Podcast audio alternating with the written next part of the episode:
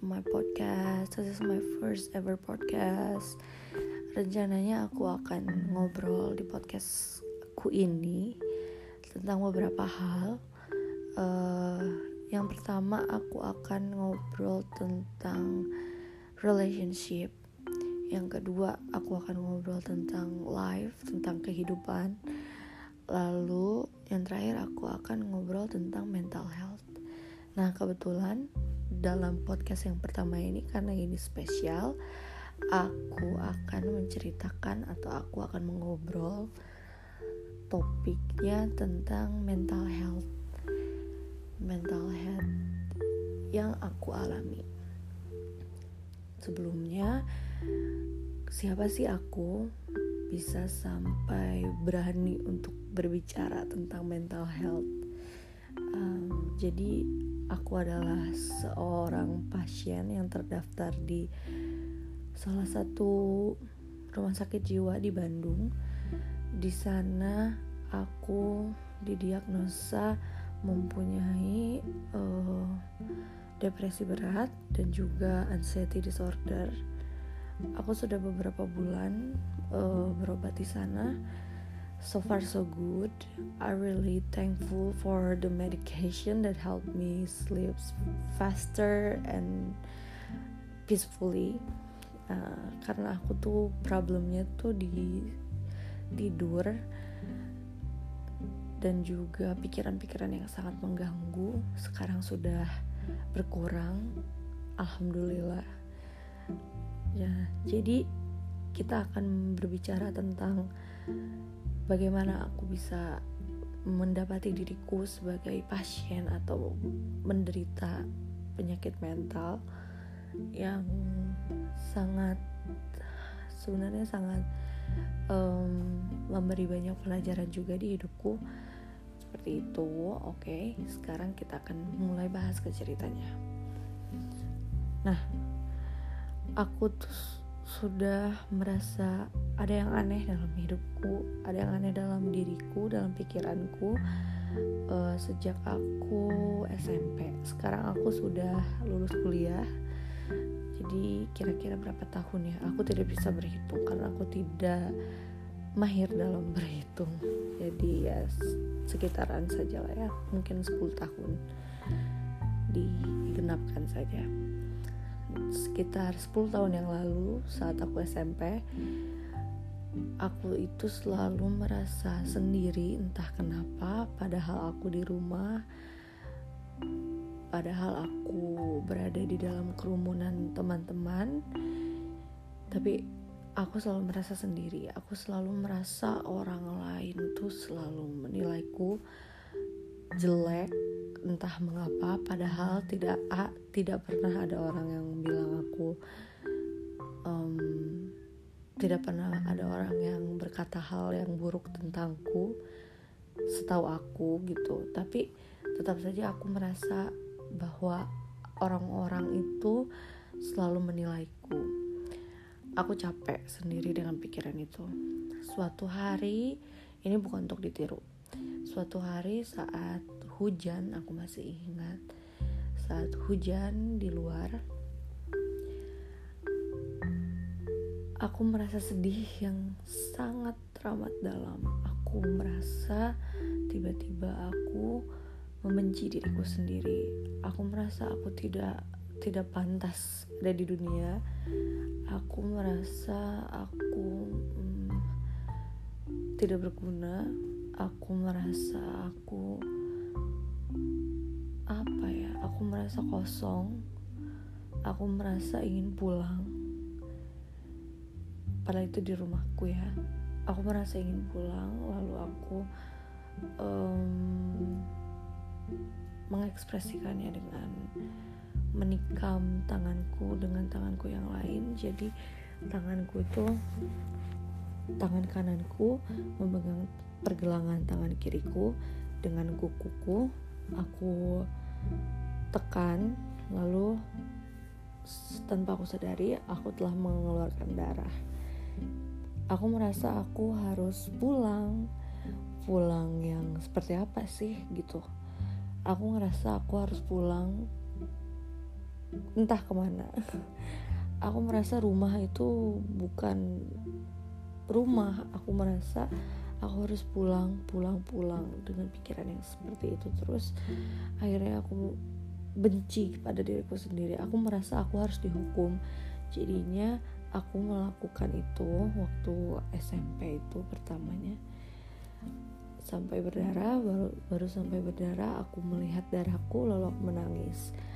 Aku tersadar di situ. Aku merasa kenapa aku melakukan itu.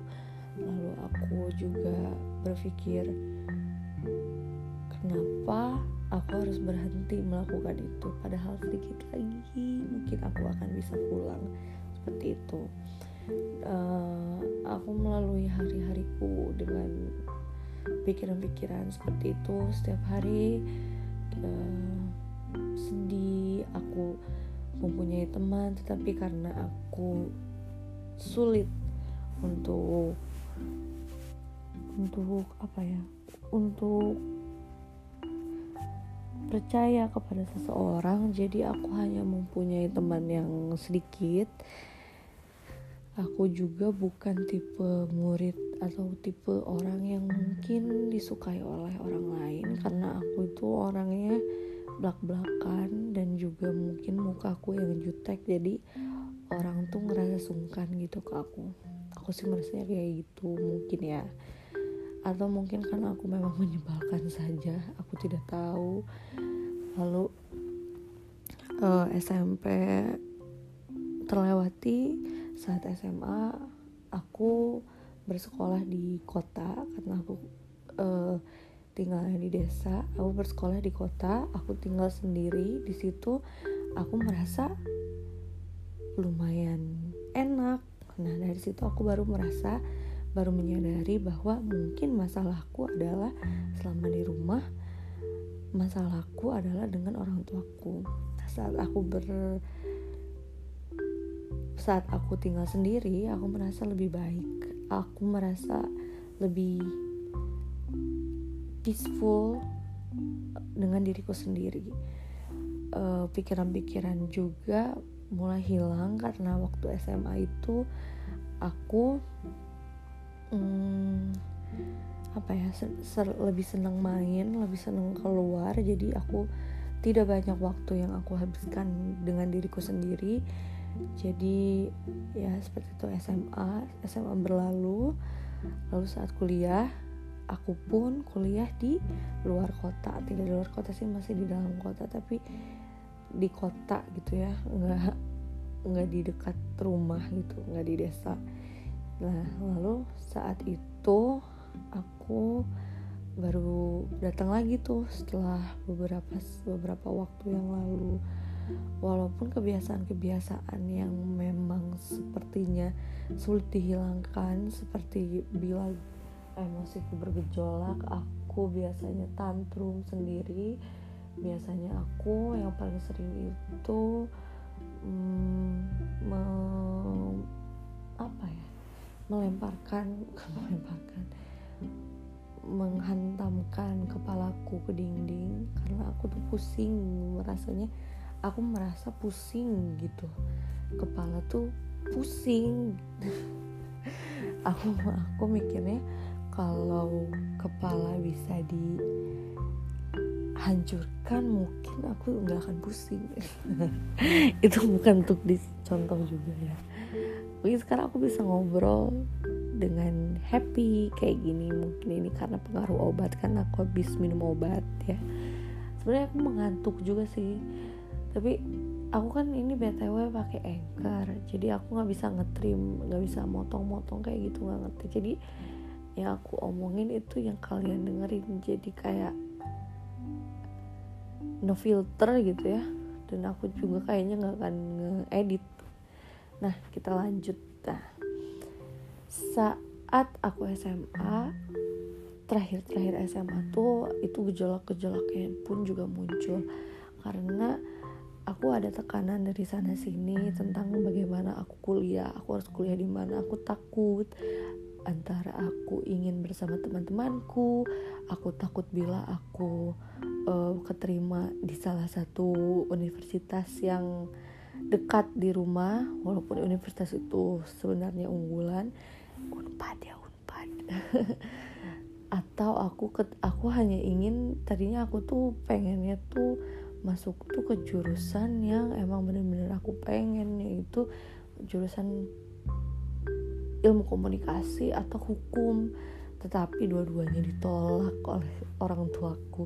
Jadi situ aku pergulatan batin. Aku aku tuh ingin kuliah di swasta tapi nggak boleh. Pokoknya di situ tuh remaja-remaja yang kayak labil gitu kayak bingung kayak merasa kalau uh, orang tuaku tuh nggak mau ngerti aku gitu orang tua aku tuh cuman pengen tahunya aku tahu jadi aja gitu. Tapi alhamdulillahnya aku keterima di salah satu universitas negeri di Bandung juga yang jauh dari rumah. I'm really thankful for that. Jadi aku tinggal sendiri lagi. Dari situ aku uh, damai selama beberapa selama beberapa tahun selama beberapa semester aku menjalani kehidupan yang damai. Nah saat tahun kedua atau tahun ketiga aku lupa aku menjalani hubungan toxic relationship. Jadi aku itu tidak pernah menjalani hubungan yang serius. Aku itu selalu berpikiran bahwa aku tidak pantas dicintai. Jadi selama aku pacaran dengan orang lain aku merasa ya pacaran karena harus pacaran aja karena orang lain pacaran ya aku pacaran aja gitu. Nah saat saat beranjak dewasa dan mempunyai pacar yang dalam tanda kutip serius itu akunya tuh jadi toxic aku dan aku dan dianya pun jadi toxic. Nanti kita obrolin tentang toxic relationship di next uh, episode ya. Nah setelah aku menjalani hubungan yang toxic itu lalu uh, banyak hal yang terjadi. Dari situ aku mulai goyah tuh. Nah karena temenku tuh jadi waktu itu kebetulan I'm seeking for help to my friend. Jadi temenku itu jurusan bimbingan konseling. Aku bilang aku butuh bimbingan konseling lalu aku pergi untuk mendapatkan konseling tapi setelah satu sesi katanya si konselinya tidak bisa menangani aku. Uh, aku harus dipindah tangankan ke psikolog saat itu. Lalu aku menerima menerima saja karena aku sudah muak dengan pikiran-pikiranku. Aku tuh selalu mimpi hal yang sama seperti orang-orang tuh meninggalkan aku aku selalu bermimpi.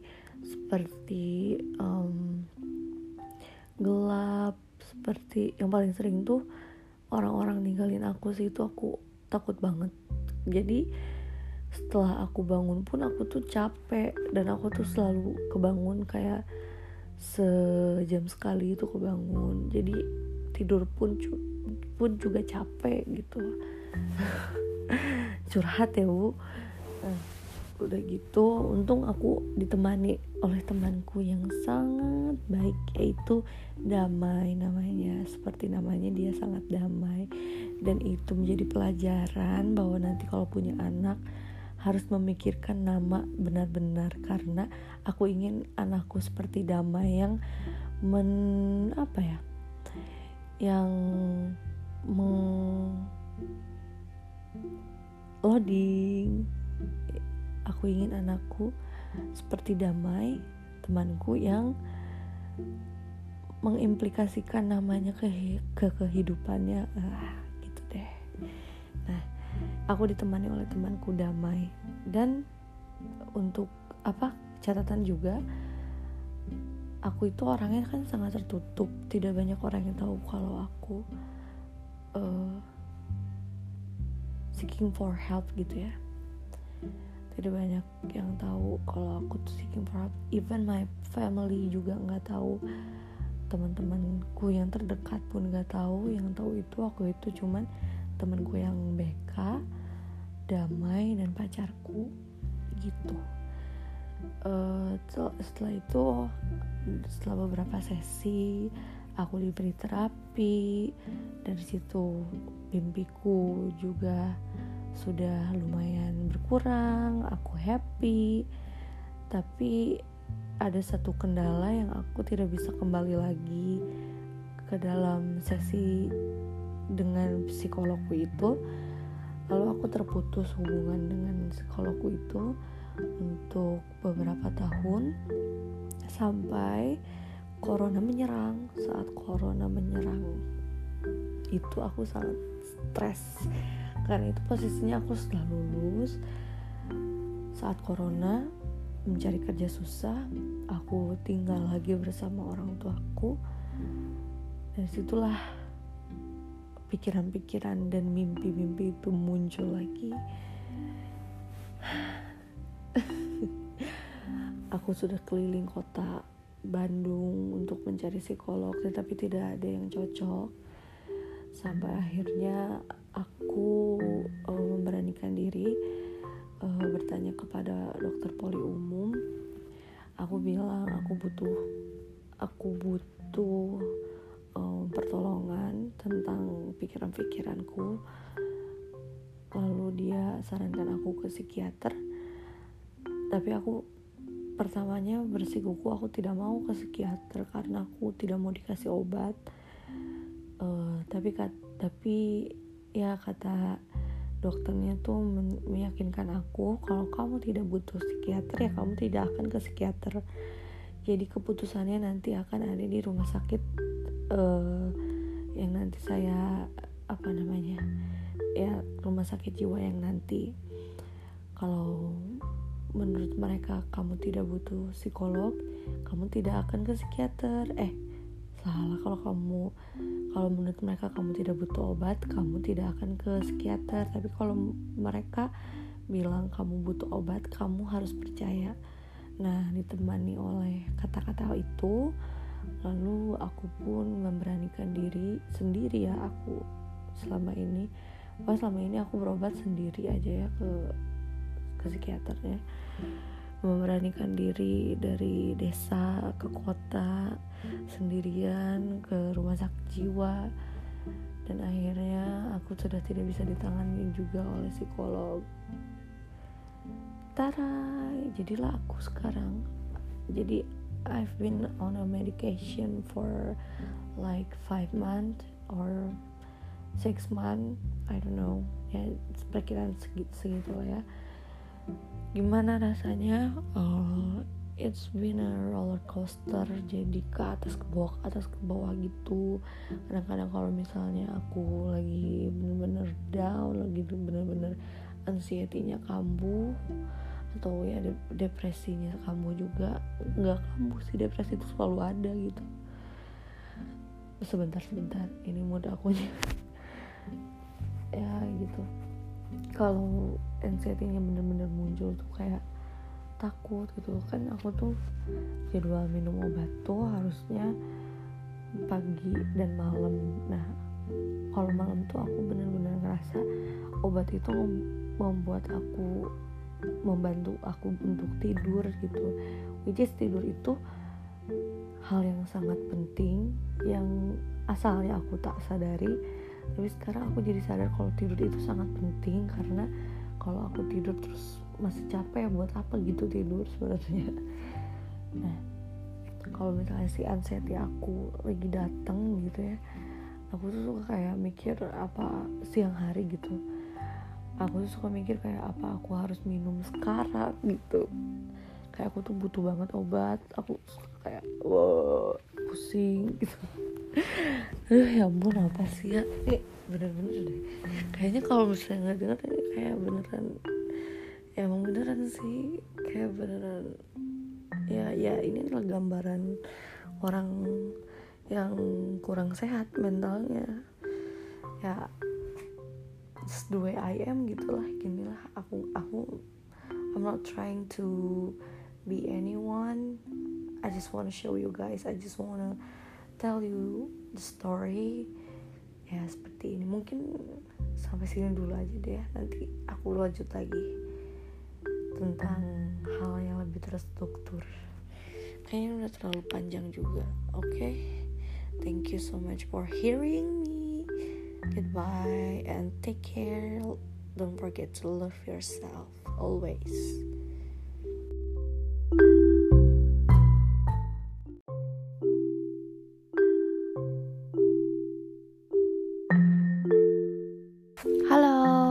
balik lagi sama aku di podcastku yang kedua. Sekarang aku uh, biasa mau tidur, udah minum obat, alhamdulillah. Sekarang aku akan ngebahas tentang tetap mental health ya, seperti uh, episode sebelumnya. Jadi di sini aku akan menekankan tentang apa saja sih yang telah aku dapatkan atau hal-hal apa saja yang telah aku bisa uh, petik hikmahnya dalam tanda kutip atau secara harfiah dari keadaanku yang sekarang gitu. Um, yang pertama uh, pasti ya kalau orang yang mempunyai mental health issue itu pasti lebih sensitif. Jadi setelah aku um, melalui hal-hal yang baik dan buruk dalam hidup aku menyadari bahwa aku adalah orang yang sensitif. Sensitif terhadap apa pun terhadap terhadap diriku sendiri terhadap dunia luar. Aku merasa kalau aku tidak ingin dalam satu sisi aku tidak ingin menjadi orang yang self-centered tapi hidup terus memaksaku untuk menjadi self-centered. Jadi kadang-kadang itu sih yang bikin aku uh, apa ya muak dengan kehidupan. Uh, tapi menjadi orang yang sensitif pun juga pasti mempunyai sisi baiknya. Karena kan semua hal dalam hidup itu mempunyai sisi baik dan buruk gitu. Tergantung bagaimana kita melihatnya bagaimana kita mengimplikasikannya kepada kehidupan kita sehari-hari. Bahkan hal yang baik pun bila kita implikasikan dengan hal yang buruk itu akan menjadi buruk. Jadi seperti itu. Nah e, awalnya saat aku merasa sensitif aku merasa hal yang sensitif eh aku merasa menjadi sensitif itu adalah hal yang buruk. Karena pikiran-pikiranku tuh uh, terbawa kepada hal yang prasangka-prasangka buruk. Tetapi setelah aku pikir-pikir lagi menjadi menjadi yang sensitif itu juga bisa membuat diriku lebih peka terhadap orang lain lebih mengerti orang lain lebih insya Allah ya lebih mengerti orang lain lebih lebih berpikir lebih lama tentang sesuatu. Itu sih yang aku dapatkan dari hal yang membuatku berpikiran sensitif seperti itu. Tapi ya namanya hidup ya tidak selalu aku tidak selalu berpikiran positif seperti ini. Kadang pun saat pikiran-pikiran negatifku datang atau ansietyku datang biasanya itu sangat mengganggu jadi biasanya kalau misalnya ansietyku datang tuh uh, dalam jumlah yang banyak atau dalam masalah yang banyak aku tuh lebih merasa takut. Takutnya takut apa? Aku tuh biasanya takut untuk bertemu orang karena aku tuh selalu berpikir orang tuh sepertinya gak suka sama aku gitu jadi aku merasa aku tidak pantas untuk bertemu orang. Aku inginnya aku sendiri aja karena aku takut gitu. Seperti itulah gambaran anxiety yang aku punya. Tapi alhamdulillah sekarang sudah berkurang. Aku sudah lebih pede tapi sebenarnya bukan masalah pede atau nggak pede tapi lebih ke di dalam otaknya tuh sulit gitu memposisikan diri gitu. Lalu hal yang kedua yang aku dapatkan setelah apa menjalani kehidupan dengan mental health issue adalah uh, aku lebih aware tentang orang lain. Aku lebih bisa memahami orang lain dan tidak ber, berprasangka buruk. Jadi uh, dalam rangkaian hidup gitu ya yang membuatku seperti ini tentu adalah diriku sendiri dan juga lingkungan. Tetapi ada masanya aku menyalahkan lingkunganku seperti aku menyalahkan orang tuaku atau aku menyalahkan pasanganku atau aku menyalahkan diriku sendiri. Tetapi saat aku pikir-pikir lagi gitu sebenarnya tuh semuanya ya telah terjadi ya karena telah terjadi jadi semuanya terjadi seperti apa adanya. Kalau aku nggak gini aku mereka nggak akan gini. Jadi semua tuh bukan hal yang harus disesali karena semua terjadi karena memang harusnya terjadi. Yang harus kita lakukan hanyalah ikhlas menerima. Kita bisa kecewa dengan orang tapi uh, untuk apa gitu kalau berlama-lama kecewa kepada orang. Orang itu bisa orang lain juga kita, diri kita sendiri karena kita orang ya bun. Nancy nah udah gitu uh, apa? Ya kita harus lebih mengerti aku jadi lebih mengerti kalau hal-hal yang telah terjadi kan itu adalah yang mestinya terjadi. Seperti misalnya aku dulu tuh punya teman dekat bertiga. Lalu kita berpisah.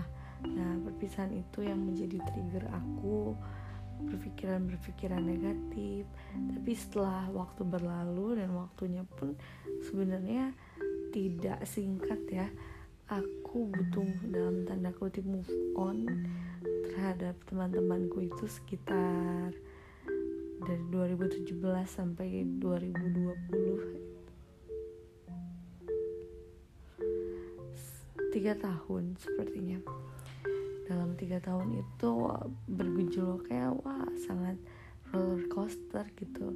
Tapi semuanya akan berlalu. Dan juga yang ketiga kita harus tetap ingat apa yang aku dapatkan adalah aku harus tetap ingat kalau semuanya itu akan berlalu. Seperti ombak yang tidak ada hentinya ya hidup pun juga seperti itu. Kadang naik kadang pasang kadang surut. Dan ya kita harus percaya kalau masalah tuh pasti selesai. Tapi kita juga harus tetap bersiap untuk masalah-masalah yang baru. Tapi tidak apa jangan jangan merasa capek. Kalau capek ya istirahat. Tidak tidak ada orang yang uh, apa melarang untuk istirahat sebenarnya kalau capek istirahat. Kalau memang butuh pertolongan ya banyak kok orang yang mau menolong gitu.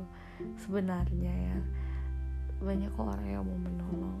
Tinggal kitanya ikhlas kitanya uh, bisa let go ke masalah-masalah kita pasti semuanya benar-benar damai gitu. Karena apa sih yang ingin kita cari di kehidupan tuh pasti kalau menurutku sih apa yang ingin aku cari di kehidupan itu adalah kedamaian dan ketenangan gitu ya. Karena kalau misalnya kita damai kita tenang apa pun itu kita bisa uh, menjalaninya dengan baik dengan ter terukur dengan apa adanya dengan cukup seperti itu. Nah dalam podcast kali ini kayaknya agak sebentar karena ya cuman seperti itu aja sih yang akan aku sampaikan nah nanti di podcast ketiga mungkin aku akan membahas bahasan atau topik yang lain seperti toxic relationship atau tentang kehidupan. Nah, baik deh kalau udah gitu selamat selamat tidur ya atau selamat menjalankan hari-hari jangan lupa love yourself as always. Take care juga. Ingat pakai masker. Bye. thank you